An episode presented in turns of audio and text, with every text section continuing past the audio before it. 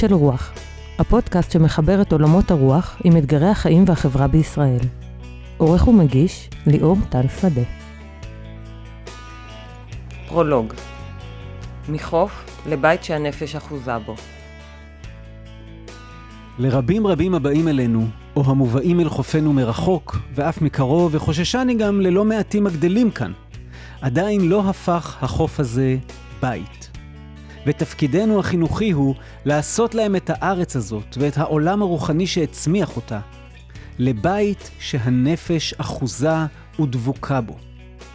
וזה לא יושג בלי אווירה של אהבה ללא חשבונות, של כבוד בלתי מזויף, של הידבקות בעם ובגורלו ובתולדותיו הטרגיות, בערכיו הרוחניים, ביצירתו החיה ובחזון תקומתו, אשר יסודותיה הלאומיים והאנושיים, המוסריים והסוציאליים, ניתנים להפרדה רק במילוננו ובנוסחאותינו, אך לא בהתגלמותה החיה.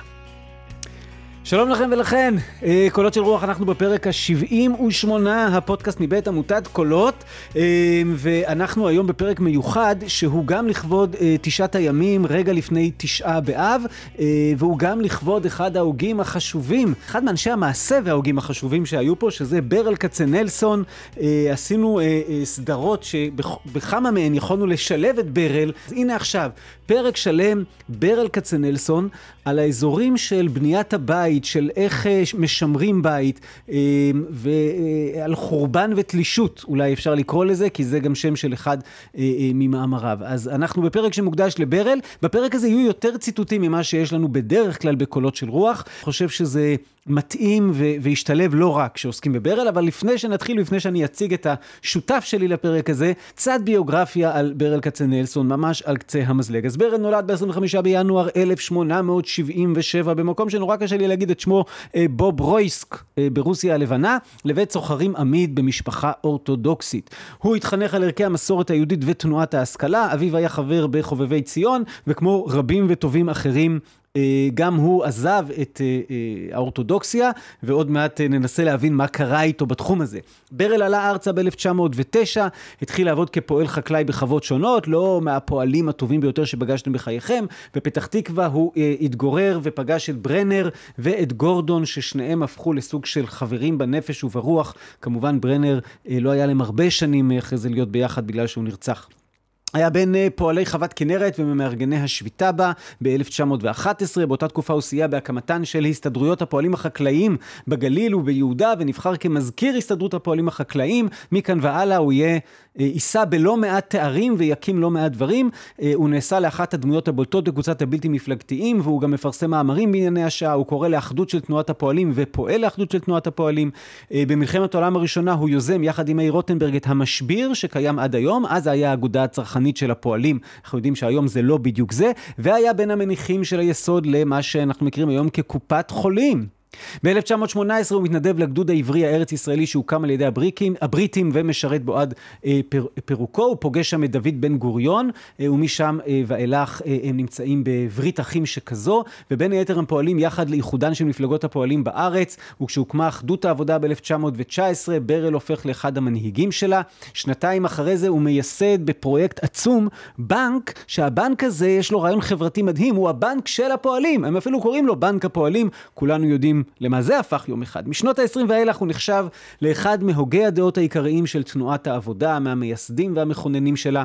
ב-1925 הוא מקים את עיתון דבר, מי שקצת מכיר, כן, העיתון שכולם קראו, העיתון המפאיניקי, והוא העורך הראשי של דבר עד שהוא נפטר ב-1944. הוא היה חבר בכל המוסדות העליונים של מפא"י, ההסתדרות, היישוב, התנועה הציונית. הוא בדרך כלל לא אהב לקבל על עצמו תפקידים רשמיים, אבל הוא היה חבר הנהלת הקרן הקיימת לישראל, תקופה מסוימת אה, הוא גם היה יושב ראש משותף של הקרן הקיימת לישראל, הוא היה בהנהלה של בנק הפועלים, בהנהלה של האוניברסיטה העברית בירושלים, וכו' וכו'. ב-1942 הוא מייסד את הוצאת הספרים של ההסתדרות, עם עובד, גם אותה אנחנו מכירים עד היום, הוא הופך להיות העורך הראשון של עם עובד, עד שהוא נפטר בגיל 57 בשנת 1944.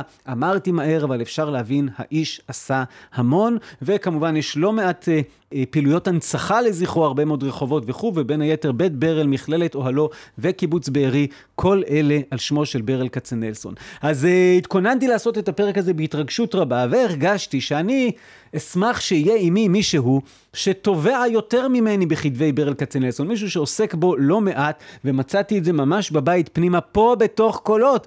רגב בן דוד שהתארח אצלנו בעבר, בהקשר של המסכים, אה, שהוא גם מנחה בקולות, והוא גם עושה עוד המון המון דברים אחרים, ויש לו כל מיני טייטלים, והוא ממש עכשיו, מזל טוב רגב אה, סיים את רבנות ישראלית, ובעצם היום הוא הרב רגב בן דוד, אה, למרות החילוניות ההיברידית שלו, והוא עוסק הרבה מאוד בכתבי ברל כצנלסון, אז אהלן רגב. שלום ליאור, שלום מאזינות ומאזינים, פועלים ועמלות. כיף להיות כאן.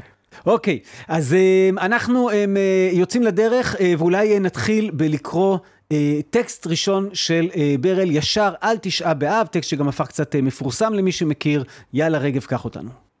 פרק ראשון, על חורבן ותלישות ועל זיכרון ושכחה.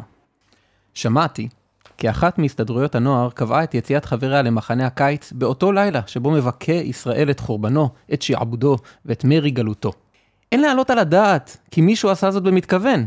אין להעלות על הדעת כי מדריכי נוער חלוצי, המחנכים אותו לחיי הגשמה, כלומר למאמצי שחרור מן הגלות ותיקון הנגעים והמומים שחלו בנו בעקב החורבן, אין להעלות על הדעת כי הם עשו זאת מתוך ידיעה מה הם עושים. אולם אי ידיעה זו כשהיא לעצמה היא המעוררת מחשבות נוגות על רמתם התרבותית ועל ערך פעולתם החינוכית של כמה ממדריכי הנוער. מה ערכה ומה פרייה של תנועת שחרור שאין עימה שורשיות ויש עימה שכחה, אשר תחת לטפח ולהעמיק בקרב נושאיה את הרגשת המקור ואת ידיעת המקורות, היא מטשטשת את זיכרון נקודת המוצא ומקצצת בנימין אשר דרכן יונקת התנועה את לשדה. והוא מוסיף ושואל, האומנם אין אנו מסוגלים אלא לחיים תלושים, לתרבות תלושה ולסמלים תלושים?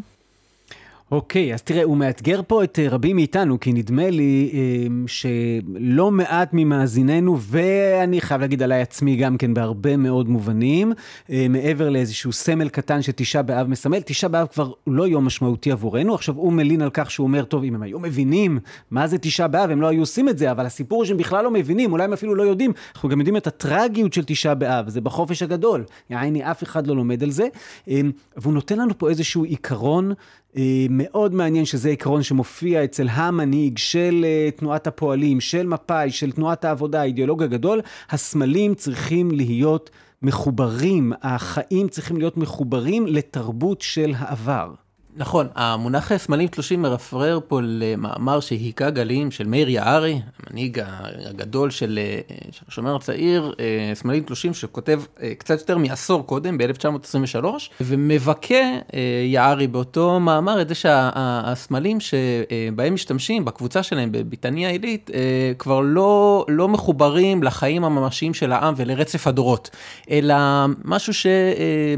קצת תלוש באוויר, לא מחובר למקורות ולהוויית חיים ממשיים. אה, וברל כצנלסון הוא אחד מאלה שמסמלים את הניסיון לחבר בחזרה. אני הייתי אומר, במקום סמלים תלושים, סמלים שתולים, כן? ולקשור אותם בחזרה לחיי העם בהווה ובעבר. אבל זה, זאת החבורה שעושה את המרד, זאת אומרת, זאת החבורה שחלק מרכזי מהקטע שלה זה שהגיעה העת למרוד בגלותיות והגיעה העת למרוד בדתיות של הגלותיות, ו, וברל עצמו בחייו האישיים עושה את זה. אז אולי ננסה לעמוד על הדקות של מה שהוא מנסה להגיד כאן. ברל מניח כאן את היסודות למה שהוא יגשים גם במכלול העשייה שלו, שזה חיים תרבותיים שמאוד מחוברים להווה.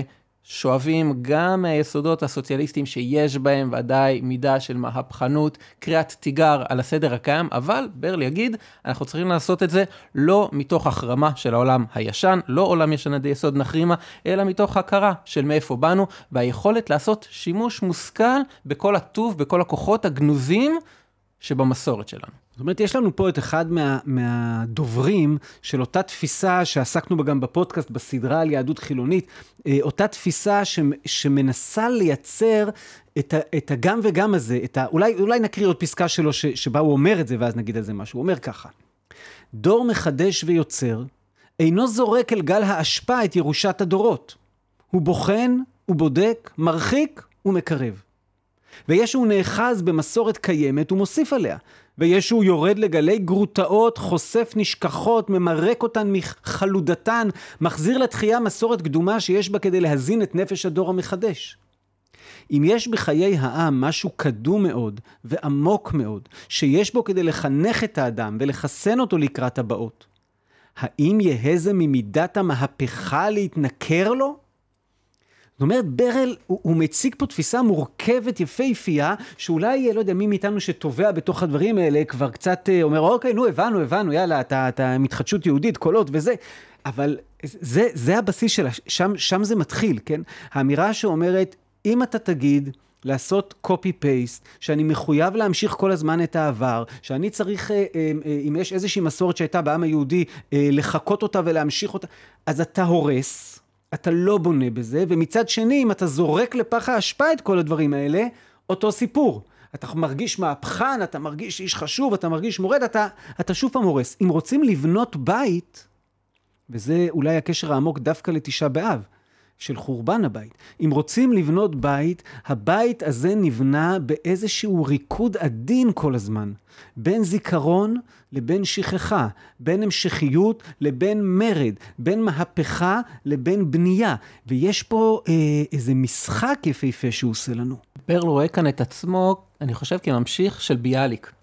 כמה חודשים לפני השיחה הזו, אותה שיחה עם מדריכי נוער שמתועדת בקובץ אה, מאמרים, שיוצאת כמה חודשים אחרי אותו מאמר קודם, כן, השיחה הזו שמתוכה ציטטת עכשיו, היא תגובה לתגובות למאמר שלו שממנו קראנו קודם, הוא אומר, המאמר הזה היכה גלים, ואני רוצה רגע עוד להתייחס, והרבה מהמילים שהוא משתמש בהם כאן, הוא משתמש כמה חודשים קודם אה, בפטירתו, סביב פטירתו של ביאליק, ועל ביאליק הוא אומר שהוא חוצה וחופר, מפקח את הגל, בוחן וצורף מקרב ומרחק, מסדר ויוצק מטבעות חדשים. אז אם אנחנו רוצים להבין מאיפה ברל עצמו יונק באופן ישיר, את מי הוא רואה אה, כאחד מהמורים הגדולים של הדור זה ביאליק, אולי עוד נגיע לזה.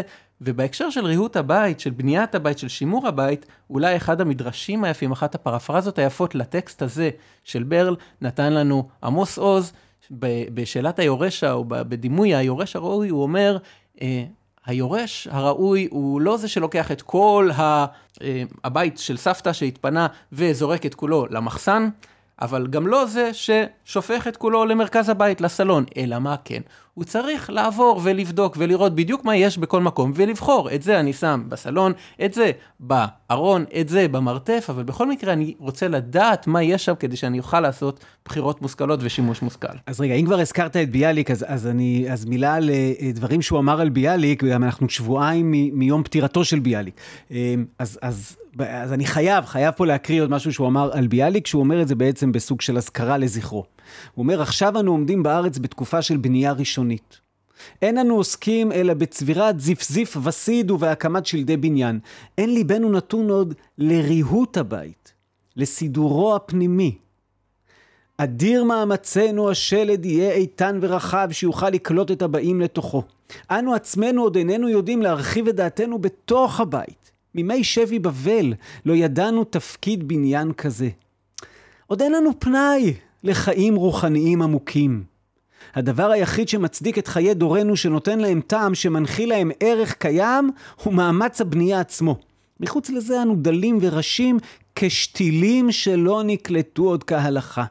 אין ליבנו נתון אלא ליצירת צרכים ראשוניים. אבל, עוד נצפנו לנו ימים? זה הימים שאנחנו חיים בהם. עוד ישבו יהודים רבים רבים בארץ, ומכאובינו התרבותיים לא ייתנו להם דומי.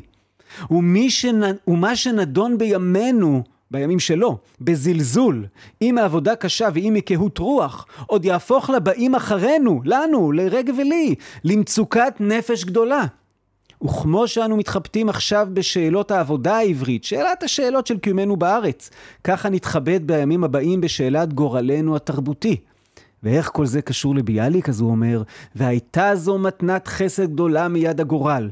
שדור זה העושה בחומר ובלבנים, ניתן לו ענק רוח, הרואה את הדברים לא רק לשעתם, לא לדור בלבד, אלא לדורות רבים, דורות לאחור ודורות לפנים. אז ככה אה, אחד מהטקסטים הכי יפים שנכתבו על ביאליק, ואלוהים יודע שנכתבו מאות אחרי שהוא נפטר. אחד מהטקסטים באמת הכי חזקים על ביאליק, שמאוד קשורים לכל מה שדיברנו פה עכשיו, ואני רק אומר למאזינות ומאזינים שמי שבמקרה העז ולא שמע את הפרק על ביאליק עם שי זרחי, אחד הפרקים המואזנים ביותר בפודקאסט, מוזמן לחזור אליו ולשמוע אותו. אה, שי נפלא, וזה באמת פרק אחד מהחשובים שעשינו. אז כל הסיפור כאן הוא משחק בין זיכרון ושכחה, אולי נקרא איזה פסקה של ברל גם על זה. כן, עכשיו אנחנו נצטרך לשאול מה המינונים, מה בדיוק האלגוריתם שבו מחליטים מה זוכרים ומה שוכחים, אבל לפני זה, ברל עושה עבודה חשובה עבורנו בלהציב במלואם על השולחן או בתוך הדיון בבית המדרש את שני הכוחות האלה, וככה הוא אומר. שני כוחות ניתנו לנו, זיכרון ושכחה. אי אפשר לנו בלעדי שניהם. אילו לא היה לעולם אלא זיכרון, מה היה גורלנו? היינו קוראים תחת מסע הזיכרונות, היינו נעשים עבדים לזיכרוננו, לאבות אבותינו. קלסתר פנינו לא היה אז אלא העתק של דורות עברו. ואילו הייתה השכחה משתלטת בנו כליל, כלום היה עוד מקום לתרבות, למדע, להכרה עצמית, לחיי נפש? השמרנות האפלה רוצה ליטול מאיתנו את כוח השכחה, והפסיידו-מהפכניות רואה בכל זכירת עבר את האויב. אך לולא נשתמרו בזיכרון האנושות דברים יקרי ערך, מגמות נעלות זכר, תקופות פריחה ומאמצי חירות וגבורה, לא הייתה אפשרית כל תנועה מהפכנית, היינו נמקים בדלותנו ובבערותנו עבדי עולם. אתה יודע, היה לי uh, סיפור עם הטקסט הזה. Uh, בערב יום הזיכרון עשינו יחד עם ובחרת בחיים, uh, ערב יום זיכרון, uh, ולמדנו את, ה, את ה, כמה שורות האלו של ברל באיזשהו הקשר, והייתה שם אחות שכולה. שאמרה, תקשיבו, אני עשרות שנים כבר אחות שכולה, ואנשים לא צריכים לדבר איתי על, על לזכור, אבל אני הולכת בתוכי, במקום פנימי, שאני לא מעיזה לדבר עליו, עם רגשות אשם, ואני מרגישה ממש כאילו רדופה, אה, לא בגלל הזיכרון, אלא בגלל השכחה, בגלל שלפעמים שוכחים, בגלל שאני מרשה לעצמי לפעמים לשכוח. והיא דיברה בהתרגשות רבה על השורות האלו כגאולה של ממש. היא אומרת, וואו, יש פה פתאום מין איש רוח שאומר לי, שכחה היא כוח חשוב. צריך בשכול לדעת לא רק לזכור, אלא לדעת גם לשכוח. אה, היא, היא סיפרה שזה ממש משחרר אותה באותו רגע, אה, ואני חושב שזה מאוד מעניין, גם במובן המאוד אישי וגם במובן הלאומי, והרי זה ערב יום הזיכרון היה. זאת אומרת, יש משהו... באיך בונים בית ואיך משמרים בית, שדורש את שני הכוחות האלו. ואם לוקחים את השכחה לקצה, אי אפשר לבנות בית, ואם לוקחים את הזיכרון לקצה, שזה אולי החידוש, גם אי אפשר לבנות בית. הריקוד העדין שלו שם בין זה לבין זה.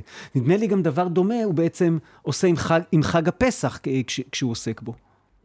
נכון, באותו מאמר, שוב, באותן שיחות עם אה, מדריכים, שאגב זה משהו שברל עשה הרבה, הוא שוחח הרבה, הרבה מהמאמרים שלו הם תמלולים של הרצאות ושל שיחות בשונה מאחרים, מספרים על טבנגין שהשיחות שלו זה שהוא נואם להם וחופר להם, אוכל להם את הראש אה, שש שעות על האידיאולוגיה אה, אה, הסוציאליסטית, אצל ברל מספרים בני דורו שהוא, שהוא ידע להקשיב.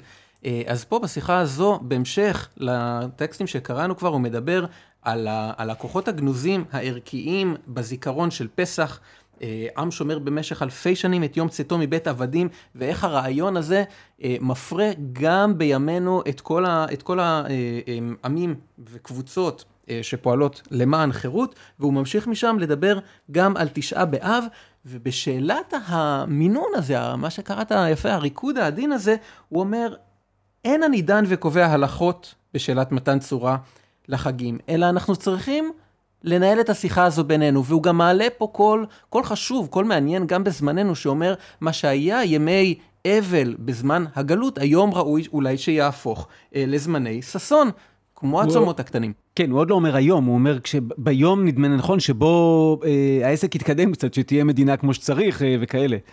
כן, אבל הקולות האלה מתחילים להתקיים כבר אצלם, אנחנו זוכרים עוד, כבר אצל זכריה היה הרעיון הזה, וגם uh, בתקופתו של ברל, ובוודאי uh, uh, היום בתשפ"א, 2021, שאנחנו יושבים כאן במדינת ישראל הבנויה והמשגשגת, הוא אומר, אוקיי, אז יש מי שיציע להפוך את זה לככה, uh, uh, מה נעשה ביום הזה? האם נקדש את היום במחולות ובזמירות, או אולי נרצה שכל ילד שנולד בחירות ובשוויון אה, דווקא יעלה ביום זה על זיכרונו את סבלות כל הדורות שקדמו, והוא הוא עד הלום, על זאת נדון בבוא היום. ברל מציע לנו לייסד את בית המדרש שלנו לחגים ישראליים בעת הזאת. וזה עוד פעם נורא יפה, כי, כי יכול להיות שתשעה באב צריך להשתנות מהיסוד, מה שלא יכול להיות זה שצריך לזרוק אותו לפח. זאת אומרת, יש פה עוד פעם את ה... את ה המהפכנות החדשנית שמשתלבת יחד עם מסורת, ואם כבר אני אומר את, את המילה מהפכנות, אז אולי בכמה מילים על המהפכה הסוציאליסטית. בסוף ברל הוא סוציאליסט, והמהפכה הסוציאליסטית שהוא רצה לעשות,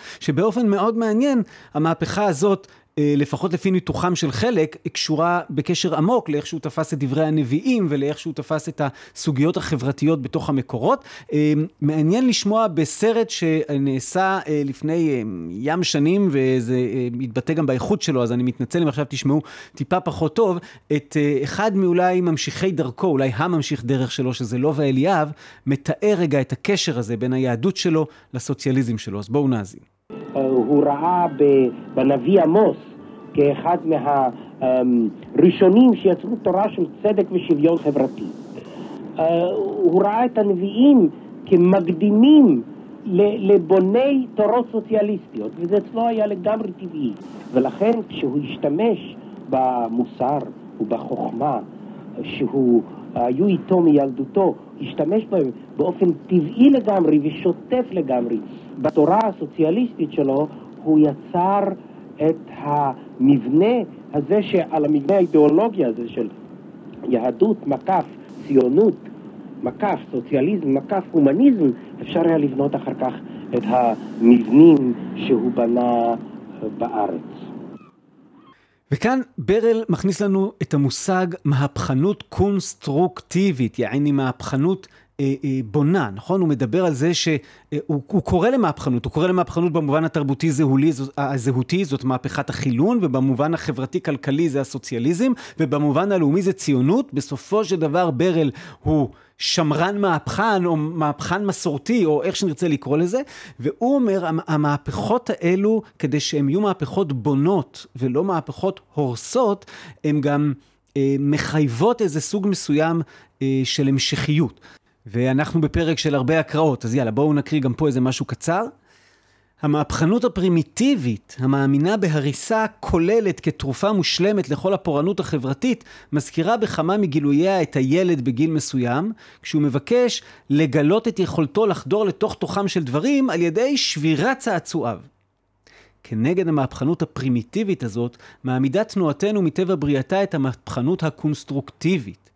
אף זו איננה משלימה כלשהי עם ליקויי העולם הקיים, ורואה את הצורך במהפכה לכל עומקה, אלא שהיא יודעת עד מה מוגבל כוחה היוצר של ההרסנות. והיא מכוונת את מאמציה במגמת הבנייה, שרק היא מבטיחה את ערך המהפכה. המהפכנות הקונסטרוקטיבית שלנו איננה יכולה להתגדר בבניין משקי, משקי בלבד. היא מוכרחה להקיף את כל חיינו, להטביע את חותמה על דרכנו בהוואי ובתרבות. עוד מאפיין מאוד מעניין של המהפכנות שלו, של הסוציאליזם שלו, זה שהם אה, ומשולבים עם ציונות ועם לאומיות. פה היו לו לא מעט פולמוסים, מחלקות, אה, מחלוקות וריבים עם אה, חלק מחבריו ועם מוריו הסוציאליסטים, שמבחינתם המהפכה הסוציאליסטית השלמה הייתה צריכה לעבור בין היתר דרך ביטול התודעה הכוזבת של לאומים, אה, שהם תודעה כוזבת שבשמה משתעבדים. הפרולטריונים בשם איזושהי פייק אידיאולוגיה של לאומיות. פה ברל אמר, אני מאשרר את הלאומיות במסורת של משה הס, של נחמן סירקין. הסוציאליזם הציוני, או הציונות הסוציאליסטית אומרת, אנחנו מאמינים בקיומו של הלאום היהודי ובהצדקה שלו לפעול להטבת מצבו, ולא רק זה, אלא שאנחנו מאמינים שלא יהיה פתרון לפועל היהודי, אלא אם יהיה לו קרקע תחת רגליו. בכל עמי אירופה הם רק צריכים להשתחרר משעבוד זר. לנו זה לא יעבוד, אנחנו צריכים גם לפעול למהפכה סוציאליסטית וגם למהפכה לטובת הלאומיות שלנו, הציונות. וכאן אנחנו כבר רואים שהוא לא הולך... עם אף אחת מהאידיאולוגיות האלה בפני עצמה בטהרתה, אלא משלב ביניהן. לא מעט מדבר נגד הציונות הטהורה, כביכול אה, החדנס של ז'בוטינסקי לדוגמה, וכאן אנחנו רואים את היכולת של ברל לשלב שילובים אידיאולוגיים שבמידה מסוימת מצריכה ממנו גם להתפשר במימוש המלא של כל אחד מהם. במובנים רבים ברל נאבק כנגד אה, טוטליות בהירה שמתמסרת לחלוטין לא, לאיזשהו משהו. זה מעניין, הוא מקשר את זה, אני חושב, אה, אה, למושג שאנחנו מכנים אותו אה, עבודה זרה, שגם עליו עשינו איזה פרק שניים. אה, אז אני אקריא קטע קצר של ברל בנושא הזה. פרק שני, אידיאליסט שמתנגד להתמסרות לאידיאולוגיה.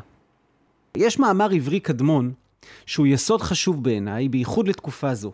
כל הכופר בעבודה זרה נקרא יהודי. זה לקוח מתוך התלמוד במסכת מגילה. רגילים לקרוא מאמרי האגדה בלי שימת לב. אבל כשושנת יריחו זו שנתקפלה, וכיוון שנוטלים עליה מים, הרי היא מתפתחת מחדש, כן גם המאמר הזה. היהדות הייתה מיוסדת על אמונה באחדות הבורא.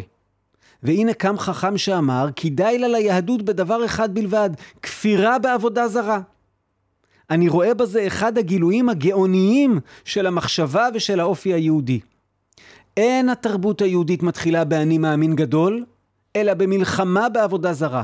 יש מקום לתרגם עבודה זרה בפטישיזם. תחילתה של היהדות היא במלחמה בפטישיזם. חיפוש האמת פותח במלחמה בעבודה זרה. את זה הוא כותב בערכים גנוזים. עכשיו, למה הוא מתכוון, אני חושב? הוא רוצה להגיד לנו, לקחת רעיון אחד קטן, התמסרת אליו עד הסוף, הפכת אותו לטוטאלי, העמדת אותו כמשהו שאי אפשר לבקר אותו. הוא עכשיו הופך להיות הכל, אז הפכת אותו לאלוהים. וברגע שהפכת משהו לאלוהים, אתה חוטא באחד החטאים החמורים ביותר, שזה החטא של עבודה זרה, שכפי שהוא מציין לנו, בעצם כל המהות היהודית בנויה על להיאבק בעבודה זרה. ולכן יש לנו פה תופעה מדהימה, אידיאליסט גדול נגד אידיאולוגיה. מישהו שהוא מוביל את, את תנועת העבודה המאוד מאוד אידיאולוגית, אידיאולוגית בציונות שלה, אידיאולוגית בסוציאליזם שלה, אידיאולוגית בחילוניות שלה, והוא כל פעם מחדש שובר את האידיאולוגיה הזאתי, ואומר חברים, העסק לא בהיר. אולי הדוגמה הידועה והיפה ביותר היה אה, כשהזמינו אותו לדבר בפני מדריכים, אחרי שהיה שם איזושהי סאגה כזאתי, שרצו לפטר מדריכים שלא היו סגורים עד הסוף על הסוציאליזם המרקסיסטי, על הלאומיות, ה, כן, היה שם איזה, שמעו אותם פתאום מפקפקים, שמעו אותם מטילים ספק, איך המדריך יכול להטיל ספק? מה יהא על הנוער? ואז ברל אה, אה, מפרסם את הטקסט של, אה, אני לא יודע, זה היה במקור נדמה לי אה, נאום, נכון? כמו נכון, הרבה, כן. כן, בהחלט, בהחלט, כן. שיחות. אז בזכות המבוכה ובגנות הטיח. בואו בוא נשמע קטע. דובר אצלכם הרבה בגנות המבוכה. קבלו על כך שהיא מצויה לא רק בנוער, כי אם גם בין המדריכים. והיו מי שפסלו להדרכה את מי שמודה במבוכתו. מי שאמר, מדריך הנבוך באמונתו הסוציאליסטית, פסול להדרכה. ומי שאמר, מדריך הנבוך באמונתו בנצח ישראל, פסול להדרכה. מי שאומר כך, ודאי רואה את עצמו משוריין מכל מבוכה. ובבואי לדון איתכם בדבר, בדבר לא אעלים, כי אינני רשאי להתפאר בשריון. לא טוב אנוכי מאחיי, אינני מחוץ למבוכה, ומן הראוי כי לא יסתיר אדם מעצמו את מבוכתו. ומדוע לא נהיה נבוכים? בני אדם ראו את מיטב האידיאלים האנושיים, תמצית תרבות הדורות מנופצים ומחוללים ומגואלים. האומנם לא יהיו נבוכים? זה מדהים, נכון? כאילו, אה, אה, כאילו אה, איפה יהיה, הוא פוליטיקאי. איפה נמצא היום את הפוליטיקאי שיבוא בכזאת ענווה מופלאה, ישאלו אותו שאלה, והוא יגיד, חבר'ה, אני נבוך, אני לא יודע, אני מתלבט פה בין אה, דברים שונים, אני לא בטוח מהי הדרך הנכונה, אני, אני בא אליכם עם יותר סימני שאלה מסימני קריאה, אני מגן על המדריכים הנבוכים ואומר להם, מבוכה היא ערך חיובי. זה, זה יוצא דופן. זה יוצא דופן לא, לא להיום, זה יוצא דופן גם לתקופה ההיא, כן? אני, אני, אני חושב, יש פה איזה יסוד חשוב שקשור בהנהגה. אנחנו רגילים היום לזה שענווה והנהגה לא הולכות ביחד. ויש איזו תפיסה, אני, אני מעז להגיד תפיסה יהודית עתיקה, כן, עוד מפני מה נפסקה הלכה כבית הלל, מפני שנוחין ועלובין היו. עוד מלפני זה, למה אני הולך לשם? משה רבנו, שמה אפיין אותו? שהוא היה הענב מכל אדם אשר על פני האדמה. יש קשר עמוק בין ענווה לבין הנהגה, וחס וחלילה לא במובן של היעדר ביטחון עצמי, הרי אנחנו מדברים פה על חבורה שביטחון עצמי זה לא בדיוק מה שהיה חסר לה.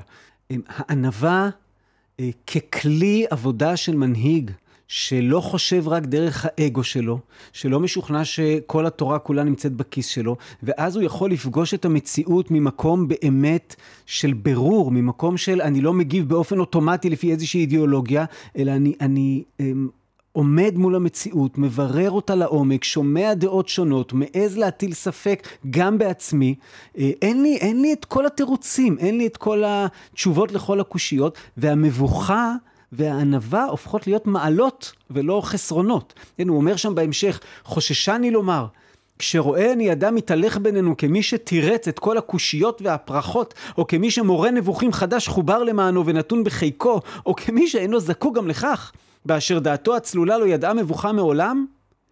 הרי אני מערער אחריו, שמא הוא חי בעולמות אחרים?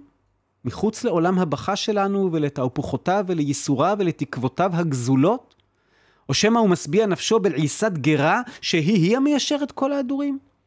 ואשר לי, טובה לי נפש נבוכה וטועה ובלתי נרגעת, מנפש אשר מום אין בה והיא שוקטת גם היום על המיטוטה. לא באתי להקל על המדריך, כי אם להכביד עליו, להחמיר איתו, לאמור לו, כי אין לפניו דרך סלולה. לא, הוא כמובן אה, מוצא תנא דמסייע בתנ"ך. כן, הוא אומר שהתנ"ך, ספר האמונה, איננו מעלים כלל את המבוכה ואיננו מחפה עליה. והוא מביא את דברי הנביאים שמטיחים את ההאשמות שלהם ואת הספקות שלהם. הוא אומר, אנחנו לא אמורים ליישר ולהחליק את הכל. אנחנו אמורים להנכיח את השאלות שלנו, וזו הדרך אה, לברר אותם. באחד הנאומים שלו בהסתדרות, הוא נואם את דברי הפתיחה, ואחר כך, אה, אה, כשהוא עולה שוב לדבר, אפשר להבין מזה על התגובות אליו, הוא אומר, האמת שהייתי מעדיף שתתנגדו לדבריי בצורה לוהטת ולא תסכימו מין המהומי הסכמה פושרים כאלה, כי אז לפחות היינו מבררים את מה שצריך לברר, ואולי היינו יכולים לצאת לעשייה, ולא היינו נשארים פה עם מין הסכמה פושרת כזאת. מקסים. אתה יודע, הטקסט הזה שעכשיו אה, הקראתי, הוא גם מזכיר לי אה, תמיד את ברנר, כי ברנר בהמעורר אה, אומר שם, לא להתיימר לפניך בדרכי הסלולה, ולא להתנפח בדוגמטים שלי הקבועים, לא לצוותך זו המסילה האחת ויחידה, לך בה ותמצאה מרגוע, כי לא מרגוע תדע איתי אחי, אף לא שלווה ולא הנאה, כי לעוררך אני בא אחי, לעוררך וכן הלאה וכן הלאה, ומסביר ברל, אני לא הולך להקל עליך, אני לא הולך לתת לך איזה, איזו דרך סלולה. ממש ממש כמו שראינו פה עכשיו אצל ברל, שהיה ידידו של ברנר וקרא, אה, אני שוער יותר מפעמיים שלוש את המעורר שכנראה השפיע עליו.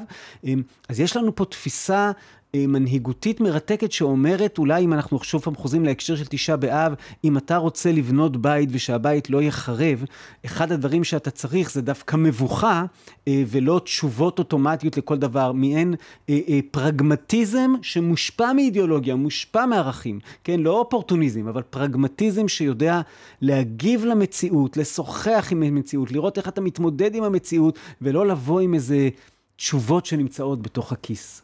ולא חושש מרגעים של ערפל, של אי ודאות, ופה אם יורשה לי להתעלות באילנות גבוהים, ויעמוד העם מרחוק ומשה ניגש אל הערפל, אשר שם האלוהים. או בדברים שדיברת עליהם אה, עם הרב דוב ברקוביץ', דרך עץ החיים, בשונה מדרך עץ הדעת טוב ורע, ששם הכל ברור, הכל אנליטי טוב רע, החיים נמצא במרחב שבו, החיים נמצאים במרחב שהדברים הם לאו דווקא ברורים, לאו דווקא שחור ולבן, אה, אלא הערפל אשר שם האלוהים. טוב, אנחנו חיים אה, אה, בימים שיש אין סוף דיבור על אה, לכידות חברתית ועל אחדות וכן הלאה, ואנחנו יודעים שככל שמדברים על זה יותר, זאת אומרת שכנראה המצב יותר גרוע. יש את המושגים של ברית גורל וברית ייעוד של הרב סולובייצ'יק, במילה צריך אה, להעמיק בזה הרבה יותר, אני עושה את זה עכשיו מאוד פשטני, אבל ברית גורל היא ברית שכפויה עלינו, שאנחנו, יש לנו אותו גורל, אה, אה, לאנשים שנמצאים כחלק מהעם הזה, והגורל המשותף שלנו כמעט כופה עלינו ברית, והברית הזאת באה לידי ביטוי בכל מיני דרכים של אכפתיות אחד כלפי השני ושל ערבות הדדית שהיא נובעת מתוך המקום הזה של גורל, גורל אחד שם אותנו כאן. אה, וברית הייעוד היא ברית שאומרת, לא, יש לנו ייעוד משותף, אנחנו מחליטים על איזה שהם מטרות, ערכים, חזונות, אצל הרב סולובייצ'יק זה תורת ישראל, כן? שהיא הייעוד המשותף שלנו. וה... בדרך כלל כש, כשמגיעים לעסוק בדברים האלה, אומרים, טוב, ברור שיש ברית גורל, בואו נעסוק בשאלה האם יש ברית ייעוד. ובאופן מעניין, כבר אז, ברל מעמיד סימן שאלה על השאלה, האם יש ברית גורל. ובטקסט שאתה הכרת לי אה, אה, לראשונה, הוא בעצם עומד מול חבורת אה, אשכנזים שמאלנים שלו, ומנסה לבדוק איתם האם הם באמת חשים ברית גורל עם מה שקורה בחלקים אחרים בעם. פרק שלישי, אחדות העם. האם אנו חיים כך שהמושג של עם יהודי הוא בשבילנו מושג של ממש או לא? כאשר מישהו מילדי כנרת ודגניה נפגשים בטבריה, ביהודי כורדי או בילדי יהודים כורדים המשחקים שם בחולות, אמנם יש להם הרגשה אמיתית שהם בני עם אחד ומשפחה אחת? ילד מהקבוצה שיוצא החוצה ונתקל ביהודים אלה, היש לו הרגשה של שותפות ממש עמהם? האם אין בשבילו טבריה, לא ורשה, לא לובלין, יהדות טבריה, עולם אחר לגמרי? באופן רשמי זה נחשב כחלק מהעם היהודי, אבל באיזה אופן גורלו של יהודי מטבריה נוגע בו ממש? והייתי חפץ לשמוע את האמת. איך המגע בינו ובין היהודי האחר? כאשר ילד יהודי מקבוצה פוגש יהודי בעל פאות עם ז'ופיצה, או יהודי לבוש כיהודי ספרדי, האם באמת הוא מרגיש, כן, לא שלמד על כך בבית הספר, מרגיש שהוא והם שייכים לחברה אחת משותפת? אינני בטוח בזה. לפעמים נדמה לי שחבר שלנו מהנוער העובד או מהתנועה או מהמשק, כשהוא מדבר על עתיד היהודים, כלל איננו יכול לתאר לעצמו שהוא מדבר על מישהו מחוץ לחולצות כחולות. טוב, זה באמת אה, איש רוח ומנהיג בצורה יוצאת דופן. אנחנו מבינים שה, שהדבר הזה נכתב בשנים שמצד אחד זה שיא, אחד השיאים, כי אחרי זה בשנות ה-50 זה יהיה יותר חזק, של השסע העדתי אה, במדינה ההולכת ונוצרת, אבל אז זה שסע עדתי שלא מדברים עליו.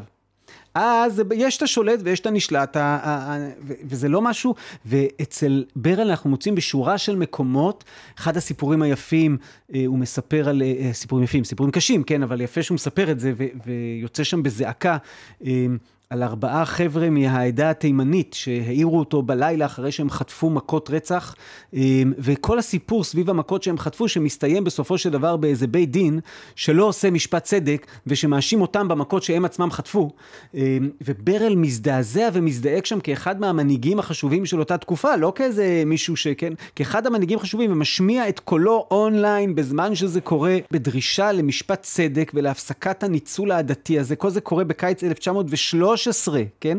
בקיץ 1913, אה, במאמר שאגב פורסם ממש בימים אלה של, של ראשית אב, והוא בעצם דורש מאיתנו, זה לא רק לשפר את מערכת היחסים או להכיר, הוא רוצה את התחושה העמוקה. אנחנו כאן ביחד, אנחנו קשורים זה בזה, יש לנו אחריות אחד על השני, באיזה מין משהו, אתה הדגשת כמה פעמים כשקראת, האם באמת... אני מרגיש ככה? תגידו את האמת, לא עכשיו מילים מתייפייפות כאלה, כן? היום המון ארגונים מנסים לחבר את שבטי ישראל מאז הנשיא ריבלין, והרבה ארגונים מתנגדים למה שאמר הנשיא ריבלין, אבל מנסים לחבר קבוצות אחרות. אבל לכולם ברור שיש בעיה של פירוד. אומר, קודם כל, רגע לפני זה, אתה מרגיש שאתם חלק מחברה משותפת? האם באמת אני, ליאור, מרגיש כשאני הלכתי שבוע שעבר עם קבוצה לפגוש את החברה החרדית, שאני חלק, שאנחנו חלק מאותו ציבור, מאותו עם, מאותה קבוצה, והאם כשהלכנו לפגוש את החברה הערבית, אז זה לא אותו עם, אבל אנחנו עכשיו שותפים לאותו גורל. אמ, ברל אה, שם את זה מולנו ככה בפנים, מה שנקרא, כן?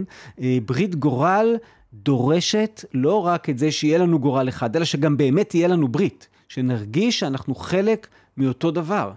אחת הדוגמאות המעשיות לזה, ברן נקט כשהיה דיון על איך מתייחסים לשמירת דת ומסורת במטבחים של ההסתדרות, ב, כן, בארגונים שלהם, שברור שהיה שם רוב מוחץ לאנשי עלייה שנייה, סוציאליסטים אה, חופשיים אה, מדת ומצוות, אה, והפועל המזרחי והמזרחי רצו לקחת חלק, ושם ברל אומר בעוד עוד, ציטוט שהפך להיות יחסית מוכר, אם תשאלו אותי מה אני רוצה, קופת חולים סוציאליסטית בלי הפועל המזרחי עם מטבח טרפה. או מטבח כשר, עם הפועל המזרחי, אבחר בשיתוף עם הפועל המזרחי. יש חשבון רווח והפסד סוציאליסטי. כלומר, אפשר היה להגיד, בוא בר, תדבר, רגע, הנה אידיאולוגיה, כלל ישראל וכולי, אתה רק מרוויח, אתה לא משלם שום פשרה. לא, הוא אומר, אני רואה את זה כפשרה, כי יש לי את דרך החיים שלי, אני גם לא מתנצל עליה. אבל אני רואה חשיבות יותר גדולה מזה, בשיתוף של כל תנועות הפועלים, וברל כל חייו, הזכרת את זה בפתיחה, חתר לאחדות, לאיחוד ולשילוב של שלל הזרמים בתנועת העבודה, ואומר, אני רואה בדבר הזה ערך יותר גדול, יש רווח והפסד, וזה הפרגמטיזם, ופה אולי אפשר לראות את ברל כאחד מהמכוננים של מה שלימים קראנו המפאיניקיות הזאת, שמנסה לפתור את הדברים, לא נגשים את הכל עד הסוף, אבל יש לנו מטרה גדולה יותר, והיא עוברת בין היתר דרך אה, שילוב של הכוחות השונים בעם.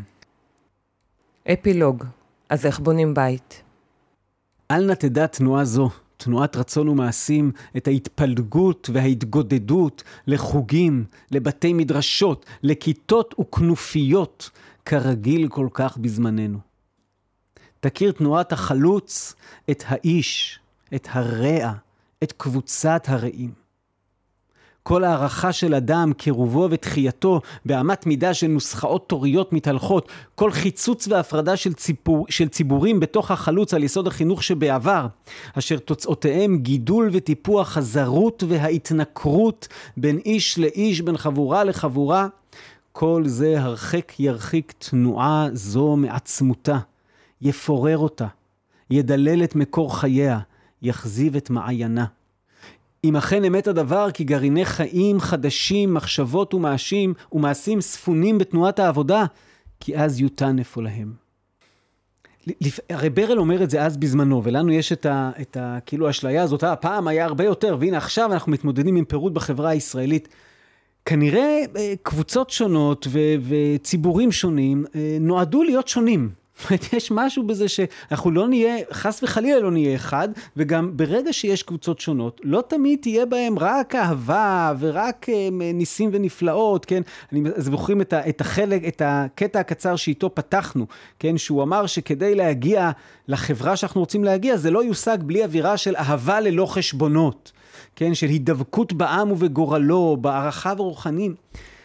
יכול להיות שזה, שיש פה הגזמה. זאת אומרת, אמ, אנחנו עכשיו ככה בימים האלה של תשעה באב, וכולם מנסים לחשוב ולהוריד שנאת חינם, באמת בימים שבהם הפוליטיקה שלנו הידרדרה לשיאים של שנאה.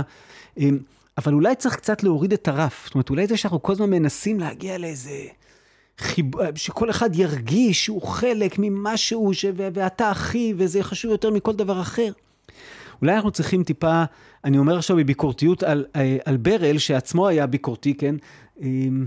אולי צריך טיפה להוריד את הרף, וצריכים לנסות לחשוב עכשיו בתשעה באב של תשפ"א, על משהו ריאלי, קצת יותר עדין, של היכולת שלנו אה, לחיות פה ביחד, גם אם אנחנו לא מרגישים בכל יום ביום ובכל שעה ושעה, שהמישהו מהחברה השנייה שאני לא מסכים איתה או שמאיימת עליי וכן הלאה, הוא הכי בלב ובנפש וכל החיים שלי כרוכים בו.